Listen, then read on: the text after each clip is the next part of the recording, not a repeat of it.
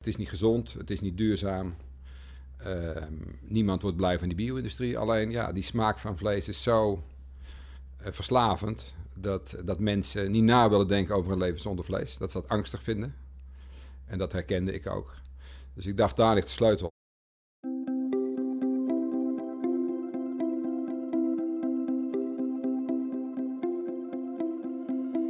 Dit is Het Groene Hart van.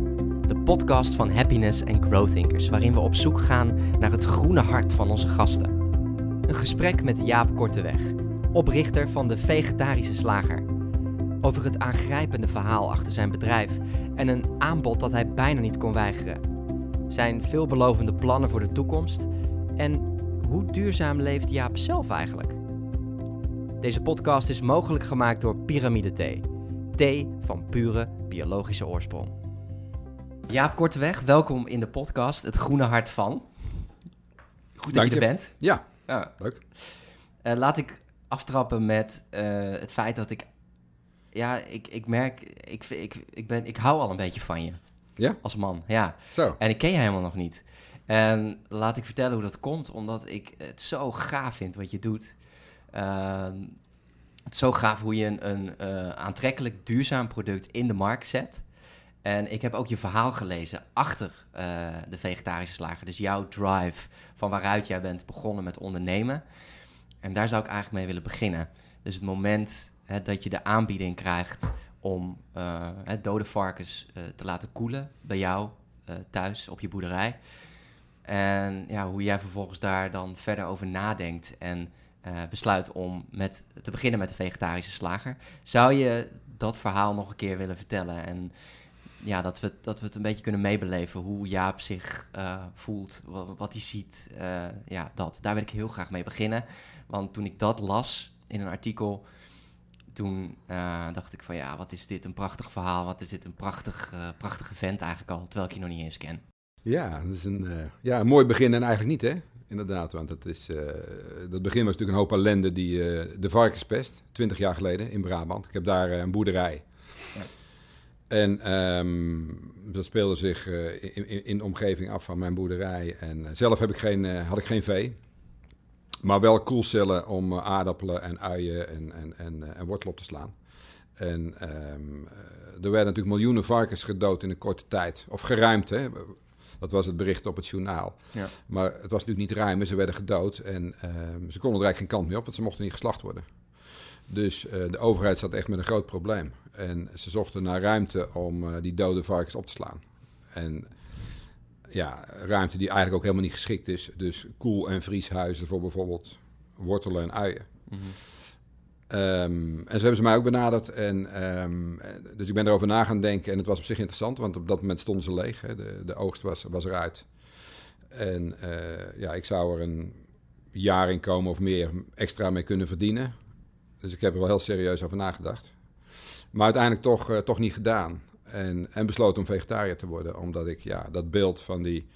hè, van die, van die eh, ik, ik had tienduizenden dode varkens op kunnen slaan. In eh, grote houten kisten, zes meter hoog. Maar ik, nou, ik, dat stond me zo tegen. En eigenlijk heel het systeem.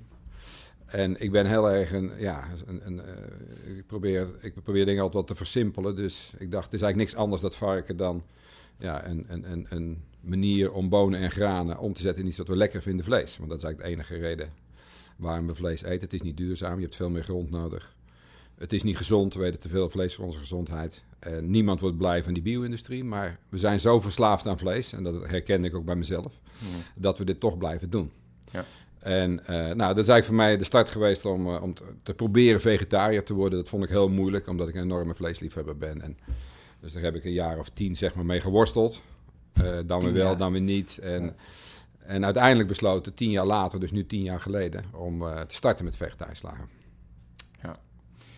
Had je voordat, die, eh, die, voordat je die aanbieding kreeg hè, voor, voor die varkens, had je toen al dingen gezien of waar je, waar je door, ja, waardoor, waardoor je an- anders bent gaan denken? Ja, ik, eigenlijk, ik denk wat voor heel veel mensen herkenbaar is. Ehm, ik bedoel, ik had een eh, familie met een kippenstal en ook kennissen. En, eh, dus ik kende het wel. En, eh, ja, maar goed, het was toch van, ja, weet je wel, het, hoort erbij, we eten vlees. En nou ja, dan, in deze tijd. Het moet goedkoop en zo efficiënt mogelijk. En goed, en ik weet ook helemaal niet of die varkens nou vroeger zoveel beter hadden, weet je wel. In die kleine stalletjes, dat was natuurlijk ook niet, dat was ook niet geweldig. Ik weet dat, ik ben nog opgegroeid tussen de melkkoeien. En we hadden thuis twintig melkkoeien. toen ik, die zijn op mijn tiende jaar is dat gestopt. Maar goed, ik heb het dus nog goed meegemaakt. En die, die kregen natuurlijk wel veel meer aandacht en zo. Die stonden, maar die stonden dan de hele winter vast. En die werden wel geborsteld, hè. die werden heel mooi schoongehouden. En er werd een staart opgehangen aan een touwtje aan het plafond. Mhm. Maar die mocht niet vies worden. Maar zo'n koe stond gewoon een hele winter, en dat was een, best wel een lange winter, stond die gewoon vast. Dat zag er natuurlijk wel mooi uit, maar dat was natuurlijk ook niet zo geweldig. Ook in die tijd niet. Ook met die kleinschaligheid was het niet zo geweldig. Het waren toch hele kleine, kleine hokjes ook. Mhm. Dus um, maar goed, ik dacht, kijk, vroeger was het zo, toen kon je nog, kon je nog beredeneren dat, uh, dat, het, dat het nodig was. Hè. Dus het is nog maar een paar generaties terug dat mensen uh, honger hadden. Dat het mhm. regelmatig voorkwam in Nederland. Ja. Uh, en, en, een varken, dat was natuurlijk voor, voor arme mensen was dat een soort spaarpot die met de restanten, met de restjes gevoerd werd. En dan Klopt, ja. aan het einde in het najaar werd die geslacht voor de winter. En zo kwamen mensen eigenlijk de winter door. Ik bedoel, het was een soort noodzaak. Ja. Maar dat is natuurlijk compleet gekanteld. Nu is eigenlijk heel die vleesproductie juist een bedreiging geworden voor onze voedselzekerheid. ja. Dus, nou ja, als je puur naar de argumenten kijkt, het is niet gezond, het is niet duurzaam. Ehm, niemand wordt blij van die bio-industrie. Alleen, ja, die smaak van vlees is zo uh, verslavend dat, dat mensen niet na willen denken over een leven zonder vlees. Dat ze dat angstig vinden. En dat herkende ik ook. Dus ik dacht, daar ligt de sleutel. Wanneer je vlees kunt maken zonder dieren, direct van die bonen en die granen. En het is net zo lekker, dan uh, dat is de oplossing. Ja. ja. En het gaat goed hè, met de vegetarische slager. Ja, ja. het gaat goed, ja. ja. Wat, eh, als ondernemer, wat voor veranderingen heb je gezien? Want je begon tien jaar geleden. Ja. Um, zie je een exponentiële groei? Uh, ja, hoe, hoe is het allemaal gegaan? Ja, toch wel. We zijn natuurlijk begonnen met echt een klein winkeltje met een ambachtelijke slagerij. En dat was nieuw, want uh, die producten die er voor de markt waren, waren natuurlijk producten uit een fabriek. Voor verpakte producten uit een fabriek. En uh, ik dacht, wil je, dat, wil je dat veranderen, dan moet je in ieder geval beginnen met smaak en met daar echt aandacht, met aandacht producten ontwikkelen. Dus, dus we hebben vanaf het begin gewerkt met chefs en ook met techneuten om die, om die vleesstructuur te kunnen maken. Maar vervolgens om het dan lekker te bereiden, dat is nog een, uh, natuurlijk een hele kunst. Mm -hmm. En wat we zagen is dat, dat we vanaf ja, de eerste week kregen we gewoon heel veel positieve reacties uit, uh, ook vanuit de culinaire wereld. Onze eerste klant, dat was de, de slager van het jaar, de beste slager van Nederland. Die zei van ja, ik ben slager, ik, ik, ik wil mooie vleesproducten maken. Maar voor mij hoeft er geen dier voor dood. Het was natuurlijk heel bijzonder dat die man dat zei. En die heeft geprobeerd in zijn slagerij om onze producten te verkopen vanaf het begin. Um, maar dat hielp wel, want voor die tijd was het zo, het waren gescheiden werelden. Ik bedoel, chefs wilden niks te maken hebben met vleesvervangers. Dat was natuurlijk nep. Mhm. En daar hebben we echt veranderingen gebracht. Vanaf het begin waren chefs enthousiast over onze producten. En uh, het is ook wel leuk, we zijn nu met een ontwikkeling bezig van, van een biefstukmachine, ook al vanaf de begintijd met de Universiteit Wageningen. En uh, die machine heeft de potentie om uh, ook teruggeschaald te kunnen worden naar een keukenmachine. Of, of zeg maar de, de, een machine voor een restaurant, hè, iets, ietsje groter formaat. En dan kun je gewoon, als chef kun je gewoon je eigen plantaardige biefstuk maken. Met je eigen ingrediënten die, die je voor mijn part uit, uit de omgeving haalt. Hè, dus dan krijg je echt het oude ambacht weer terug in, in plantaardig vlees. En het gekke is, het, het, klinkt nu nog een beetje vreemd, maar het is vooral een kwestie van gewenning, denk ik. Want als je kijkt naar uh, het proces, dat is vrij simpel. Het is eenvoudiger dan brood bakken of kaas maken. En dat vinden we natuurlijk hele ambachtelijke producten. Brood en kaas, dat zijn hele oude producten. Daar zijn we opgegroeid. We staan al, uh, generaties lang. En dit proces van een plantaardig vlees is eigenlijk nog eenvoudiger. Dus uh, dat is een kwestie van tijd. Hè. Nu kijken mensen er wat raar tegenaan, maar dat gaat, gaat veranderen. Dat is mijn vaste overtuiging. Ja. Nou, Guido Weijers zei ook in deze podcast... ik denk absoluut dat vlees het nieuwe roken wordt. Ik neem aan dat jij dat ook ja. denkt. Ja. ja, en ook echt vanuit mijn eigen ervaring ook weer. Ik heb ook gerookt. En ik ben natuurlijk nog opgegroeid in de tijd dat roken normaal was. En dat je, de, de, de leraar bij mij voor de klas, die rookte in de klas. En uh, ieder, iedere vergadering, uh, toen, ik, toen ik net uh, boer was, stond het zaaltje blauw van de rook. Ja, en dat is natuurlijk nu ondenkbaar. En het is heel fijn dat het ook zo is. Mm -hmm.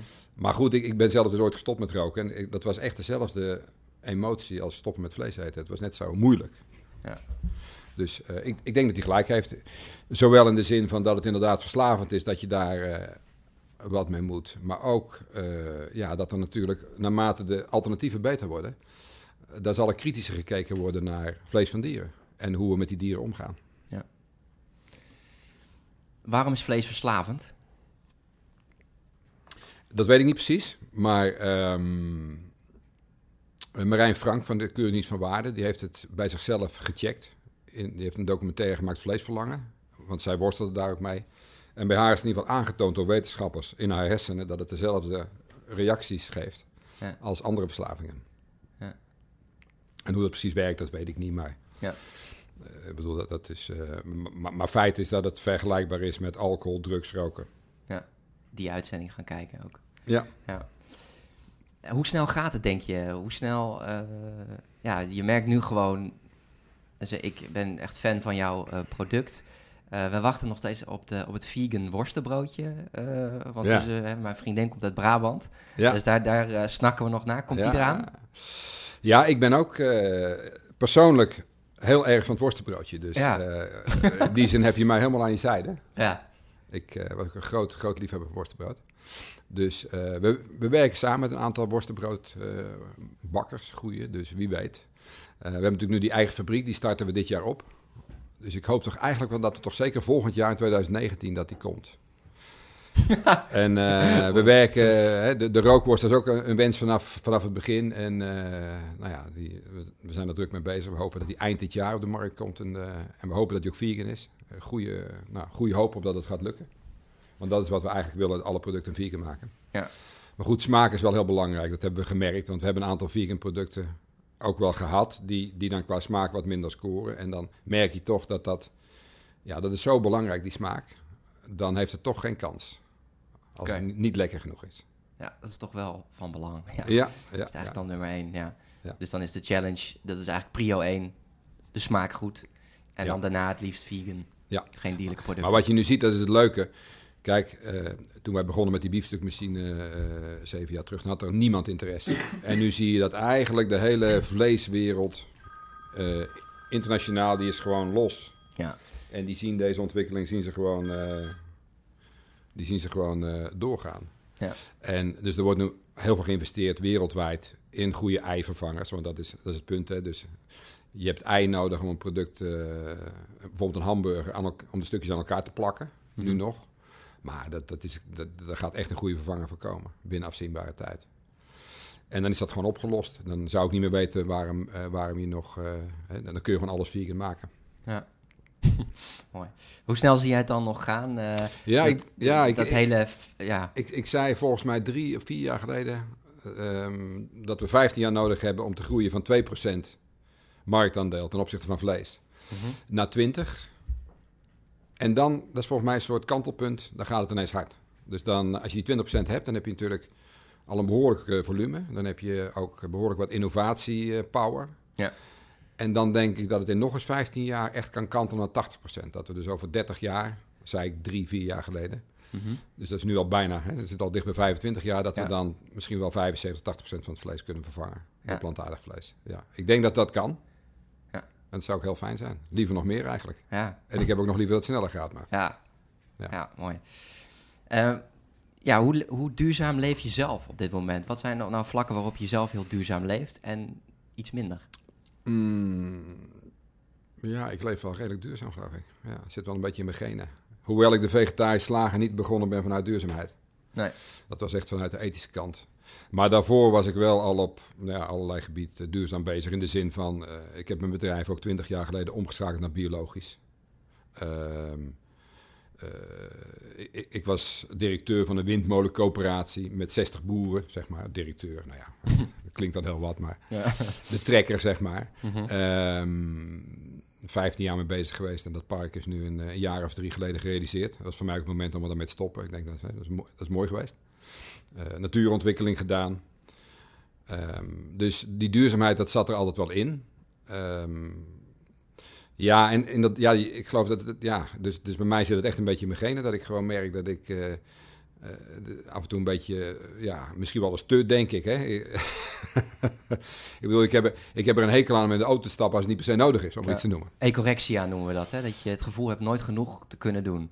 Ja, of in ieder geval dat je daar dan onprettig bij voelt als je zomaar ja, energie zit te verbruiken of zo, weet je wel. Ja. Ja. Kun je Zomaar- zo'n moment voor de lol. Ik, dus ik, ik bedoel, ik rij best veel auto, want ik heb, eh, dat is gewoon voor mijn werk ook nodig. Ja.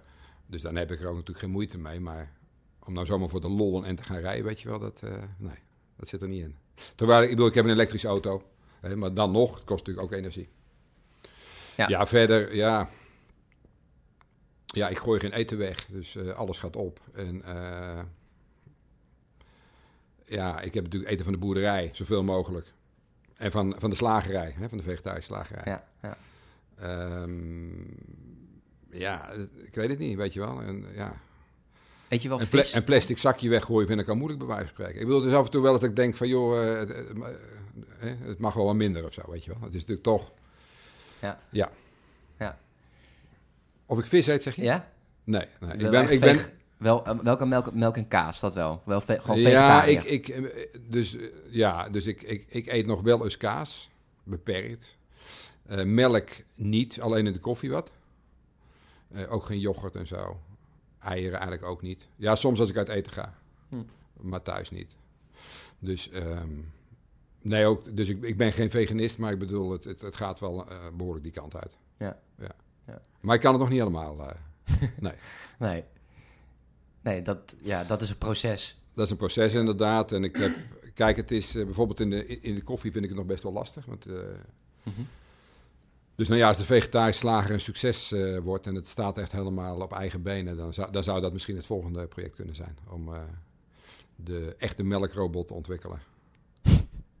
Die grasmelk maakt. Hè? Dus dat zou, dat zou fijn zijn, omdat natuurlijk eh, koemelk, grasmelk, is natuurlijk toch een ander product dan sojamelk en, en rijstmelk. Ja. En gras is op zich natuurlijk een heel goed, ja, een heel goed product om te verwerken. Er groeit natuurlijk in Nederland heel veel gras in dit klimaat. Mhm. En heel duurzaam. Alleen we kunnen die gra- dat gras kunnen we nu zonder koe nog niet gebruiken. Hè, om daar melk van te maken. Nee. En dat zou wel heel fijn zijn. Ja, dus dat is, ook, dat is eigenlijk ook gewoon... Dat is dan geen dierlijke melk, maar plantaardige melk ook. Van Ja. gras. Dat zou heel mooi zijn. Dus de robot heeft, is eigenlijk geld dan voor de koe? Ja, je hebt natuurlijk nu een melkrobot die dan koeien melkt. Hè? Waar, waar, waar- Ja. waar dus geen mens meer bij hoeft te zijn. Hè? Die koe Ja. gaat dan naar die robot toe en dan wordt die gemolken. Maar de echte melkrobot is natuurlijk een, dat je die koe nabootst. Dat je een koe maakt van roestvrij staal. En dat die koeien uit die stal gaan. En die robot gaat erin. En dat gras komt daar naar binnen. En dan Mhm. gaat melk uit. Hè? Dus dat dat, dat dat apparaat gewoon nabootst wat er in de koe gebeurt. En dan heb je dus, dan heb je dus nog wel in principe die, die stoffen van, van de moeder. Van de moederkoe. Want daar zit bijvoorbeeld ook, weet, ik weet, het, weet dat daar casomorfine in zit. Een soort middel wat dan verslavend werkt. Eh, als je drinkt. En wat de kalfjes drinken en dan, dan weer terug willen naar die moeder. Ja. Eh, waardoor wij weer verslaafd er ook aan raken, omdat we dat dan ook ja. willen. Ja. Ja, precies. Eh, en dat zit dan dus nog verzadigder in kaas. Ja. Ehm, jij zegt vlees is verslavend. En, maar kijk je dan wel anders tegen melk aan als je dan van vlees naar melk gaat? Mm, Nee, hetzelfde. Kijk, Ja. in, in vlees heb je die umami-smaak, die natuurlijk ook verslavend is. Mhm. En bij kaas, hoewel bijvoorbeeld in, in Parmezaanse kaas zit ook wel die, hè, die diezelfde umami-smaak. Dus eh, ja, ik bedoel, laat ik zo zeggen, ik heb, er- ik heb er helemaal geen problemen mee als mensen verslaafd zijn aan lekker eten. Hè, dat Nee. is, of verslaafd. Dat, klinkt, dat klinkt misschien wat negatief, Ja. maar eh, het is natuurlijk prima als je gewoon daarvan houdt en dan eruit ziet. En, en, en, maar als het, als het natuurlijk maar niet te veel problemen met zich meebrengt. Hè? Wanneer, eh, kijk, mijn grootste bezwaar was toch de ethische kant, de manier waarop met dieren omgaan. Ja. Maar goed, verder had, heb ik natuurlijk geen enkel probleem met het feit dat ik vlees heel lekker vind. Laten we het groene hart echt, eh, ja, laten we dat bestempelen als liefde voor deze wereld. Hè, deze wereld mooier en groener maken. Zat het bij jou als kind er al in? Dat je daar, dit daarvoor aan het inzetten was? Ja, ik denk het wel. Ik denk dat ieder mens dat eigenlijk misschien wel in zich heeft, geloof ik. Ik, bedoel, ik geloof niet dat ik er nou zo bijzonder in ben. Ik geloof dat iedereen het wel wil. Het gaat er alleen om om het ook te zien, hoe je het kan doen. En we willen natuurlijk ook gewoon prettig leven. Dus ja, Ja, je moet het zien, ja. ja ja. je moet zien hoe je, hoe je dat kan combineren met prettig leven, denk ik. Ja. wat zeg je dan tegen iemand die zegt: Ja, waar moet ik beginnen met duurzaam leven? Geef me eens een tip. Ja, ik vind dat toch heel erg moeilijk hoor. Ik bedoel, het is zo voor de hand liggend.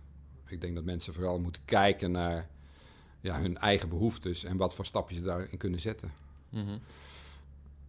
Ik bedoel, ik heb het misschien ook wel makkelijk, omdat ik niet zo'n. eh, ik het zit niet in mijn aard om heel erg eh, te consumeren en zo. Of, of bijvoorbeeld om, om te reizen of zo, weet je wel. Dus eh, wat je natuurlijk ook wel eh, hoort bij mensen die op zich wel duurzaam willen leven, maar toch heel graag heel de wereld willen zien. Ja. Ja, dan moet je toch in een vliegtuig stappen. Ja, dat is dan best lastig, denk ik, als je dat heel graag wil. Moet je dan En je kunt het betalen. Ja. En eh, ik bedoel, ik heb die behoefte niet zo. Dus ik bedoel, ik, ik, ik, eh, ik heb het idee dat ik via een boek of via een film of eh, ook de wereld wel kan zien, weet je wel. Ik hoef er niet, ik hoef er niet zelf naartoe. Nee. Dus ik bedoel, ik heb dan makkelijk praten, denk ik. Maar Moet je echt in een vliegtuig stappen om de hele wereld te zien?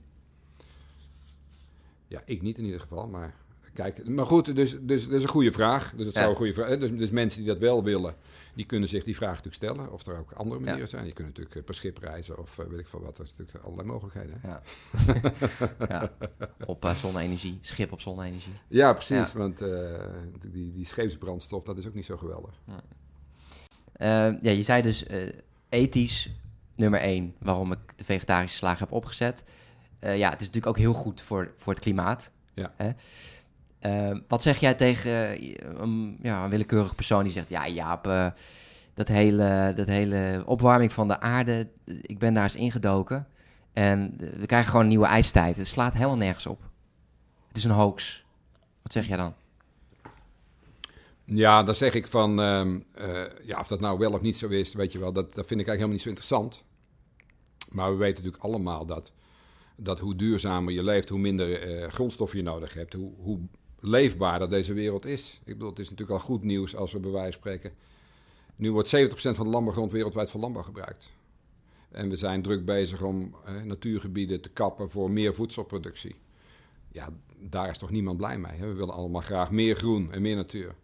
Als je op deze manier vlees gaat produceren, krijg je in ieder geval een wereld die veel groener kan zijn. Hè? Die, waar veel meer ruimte is voor natuur. Want we hebben gewoon veel minder landbouwgrond nodig. Dus dat betekent dat we, nou, laten we zeggen, een kwart van de landbouwgrond wereldwijd kunnen we gewoon weer teruggeven aan de natuur. Daar wordt, er wordt in ieder geval een heel stuk prettiger van. Of je nou gelooft in die ijstijd of niet. Ja. En ook in een ijstijd is het fijn als we gewoon veel natuur hebben, toch? Veel bomen. Ja. Nee, ik had laatst een, eh, een discussie met... eh, maar dat hoor je vaak, dat er bijvoorbeeld gezegd wordt van de graslanden wereldwijd... bijvoorbeeld de veenweidegebieden hier... Mhm. die... ehm, eh, ja, wat moet je er anders mee? Ja, en eigenlijk de naam zegt het al. Het waren, van, van, van oudsher was het laagveen. En natuurlijk met heel de, heel de CO2-discussie ook. Als je die gewoon weer teruggeeft aan de natuur... gaat daar weer gewoon laagveen ontstaan. Dat betekent dat er weer een veenpakket gaat groeien van meters dik... Mhm. Daar zal wel duizenden jaren overheen gaan. Maar dan ga je dus weer CO2 vastleggen. Nou, dan ontstaat er laag veen en je gaat CO2 vastleggen. Eh, een mooi groen gebied. Fantastisch. Als we het gewoon niet nodig hebben, wa- waarom zou je het dan eh, cultiveren? Ja, want je hoort ook wel eens van, nou goed, eh, ja, soja. Er zit eh, soja ook in jouw producten. Ehm, ja, maar als we allemaal soja gaan eten, dan, eh, dan gaat, gaat die, dat is, die ontbossing gaat ook gewoon door. Wat zeg jij daar dan op? Ja, je hebt voor vlees heb je drie keer zoveel soja nodig. Dus als je onze producten eet, dan betekent dat dat twee derde van de sojavelden wereldwijd, dat we die niet meer nodig hebben. Kort en duidelijk, een goed antwoord. Ja. Nou, Ja. En Ja. soja is gewoon een hele goede eiwitproducerende plant. Dus als je kiest voor een andere eiwitbron, dan moet je, heb je meer land nodig. Ik bedoel, we gebruiken soja simpelweg omdat, omdat die per hectare zoveel eiwit produceert. mhm. En van een goede kwaliteit. Dus er is niks mis met soja, integendeel. Soja is fantastisch. Mhm. Maar eh, het, het wordt natuurlijk in, in, in verband gebracht met die groeiende vleesconsumptie. En we krijgen soja de schuld, dat is natuurlijk raar. Ja. Ja. We moeten gewoon die soja gewoon efficiënter inzetten door Ja. eh, plantaardig vlees te maken.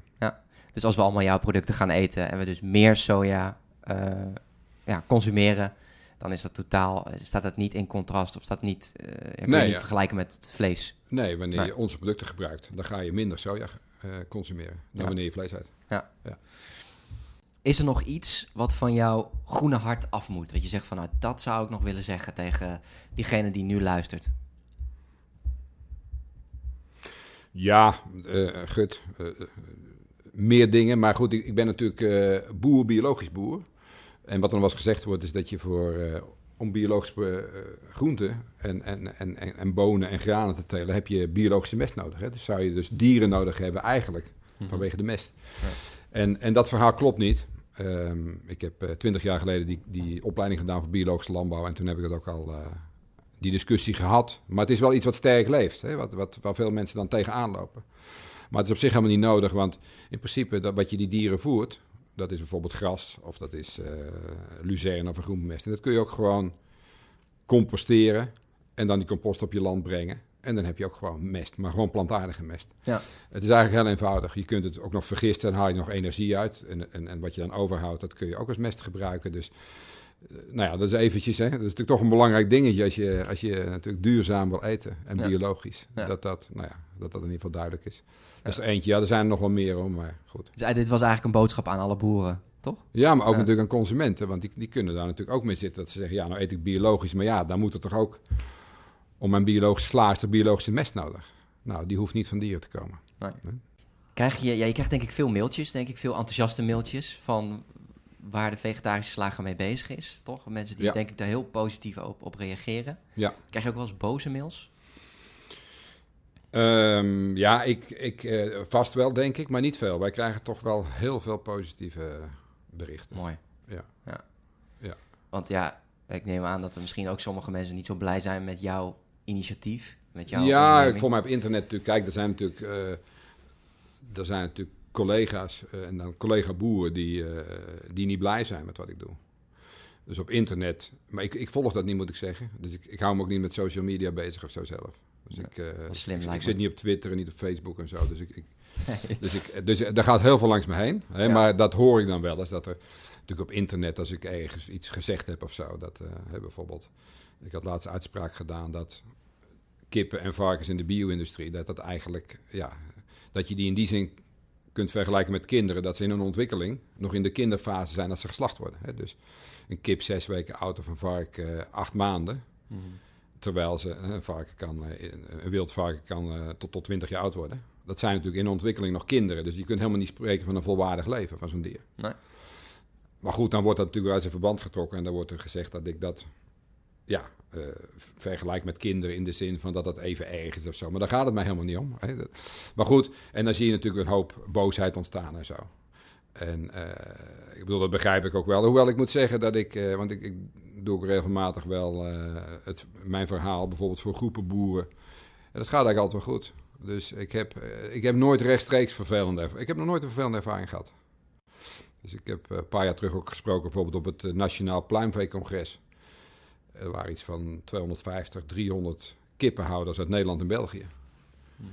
En uh, dus die vroeg, ging over de toekomst van de, van de kippenhouderij. En ze vroeg ook aan mij van, ja, wat zie je als grootste bedreiging? Ik zeg, ja, ik denk, of ik hoop dat ik dat ben. Want ik wil eigenlijk dat het gewoon stopt. Ik wil gewoon dat we geen kippen meer nodig hebben om kippenvlees te maken. En dat is natuurlijk best wel uh, pittig, maar ja, toch gaat het dan goed, zo'n zo'n zo'n zo'n uh, discussie. En ik heb nadien nog uh, ja, prima na zitten praten met mensen. Waarom is dat dan, denk je? En iemand zei ook tegen mij van... Uh, we zouden iemand moeten hebben zoals jij... die ons verhaal kan vertellen. Ik zei, nee, daar geloof ik niks van. Ik zeg, want zo'n geweldige verhalen vertellen ben ik niet. Ik zeg, je moet een verhaal hebben. Ik zeg, ik heb gewoon een verhaal. En als kippenhouder is dat gewoon lastiger. Je moet een verhaal hebben. Ja, je moet een verhaal hebben. En ik heb een verhaal. Dat is gewoon een mooi verhaal waar mensen blij van worden. Ja. Er is ook een restaurant geopend, of er wordt geopend, toch? Ja. Dus uh, heel benieuwd. Maar het idee is dat je... Kijk, onze producten vragen wel iets andere bereidingswijze. En uh, nou, wat, wat, we in ieder geval daar beogen is dat mensen dan optimaal die producten bereid krijgen en geserveerd. Dus dat dat ook inspiratie kan zijn voor mensen om dat, om dat meer, te gaan, meer en meer te gaan gebruiken. En om ideeën te hebben wat je er allemaal mee kunt. Dus nou, een heel leuke, heel leuke stap een restaurant. Kan ik daar ook de vegan frikandel speciaal kopen? Uh, ja, die komt er in ieder geval aan. Okay. Dat zal nog niet vanaf 1 april zijn, maar die zijn we aan het ontwikkelen. Dus uh, ik denk dat die eind dit jaar dat we hem dan, uh, dan wel hebben, ja.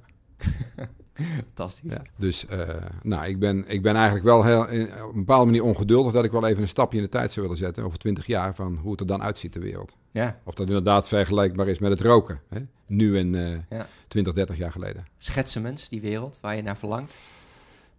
Nou ja, dat er toch uh, dat er gesproken wordt over de tijd dat we dieren nodig hadden om, om heerlijke sausijzenbroodjes en frikandellen te maken. Hè? Dat dat dat er een tijd geweest is dat dat nodig was. Dat, dat we dat deden. Ja, dat de dieren ook gewoon lekker mee kunnen genieten daarvan. Ja, en dat is natuurlijk het fijne dat je, als je inderdaad deze ontwikkeling doortrekt, dan, dan, dan nou ja, heb je inderdaad een deel van de landbouwgrond heb je niet meer nodig. Dus dat betekent dat je veel meer natuur krijgt, waar dieren gewoon een natuurlijk leven kunnen leiden. Mm Ja, en ik vind dat toch het allermooiste om te zien. Dat dieren gewoon in hun eigen, nou ja, in hun eigen wereld, uh, op een eigen manier kunnen leven. Dat we daar toeschouwer zijn en ons zo weinig mogelijk mee bemoeien. Ik hoorde het laatste cijfer dat uh, van alle gewervelde dieren op de wereld nu is 35% mens en 60% is vee, vee voor de mens. Dus dat is bij elkaar 95% is de mens en zijn vee mm. en zijn vlees, zeg maar, en zijn mm. melk. En maar 5% zijn, zijn, zijn nog wilde dieren. Dat is natuurlijk bizar. Dat is echt ongelooflijk. Dat maar eens even indalen, ja. ja. ja.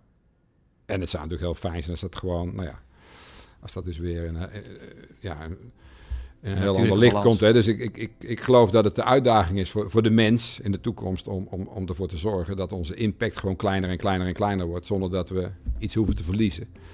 En ik denk ook wel dat het kan. Ja. Dankjewel Jaap, fantastisch dat je er was. Graag gedaan. Dit was het Groene Hart van Jaap Korteweg. Ben je benieuwd naar alle links van dingen die we hebben besproken in de podcast? Ga dan naar happiness.nl slash het groene hart. Happiness.nl met een z het groene hart. Deze podcast is mogelijk gemaakt door Pyramide Thee. Thee van pure biologische oorsprong.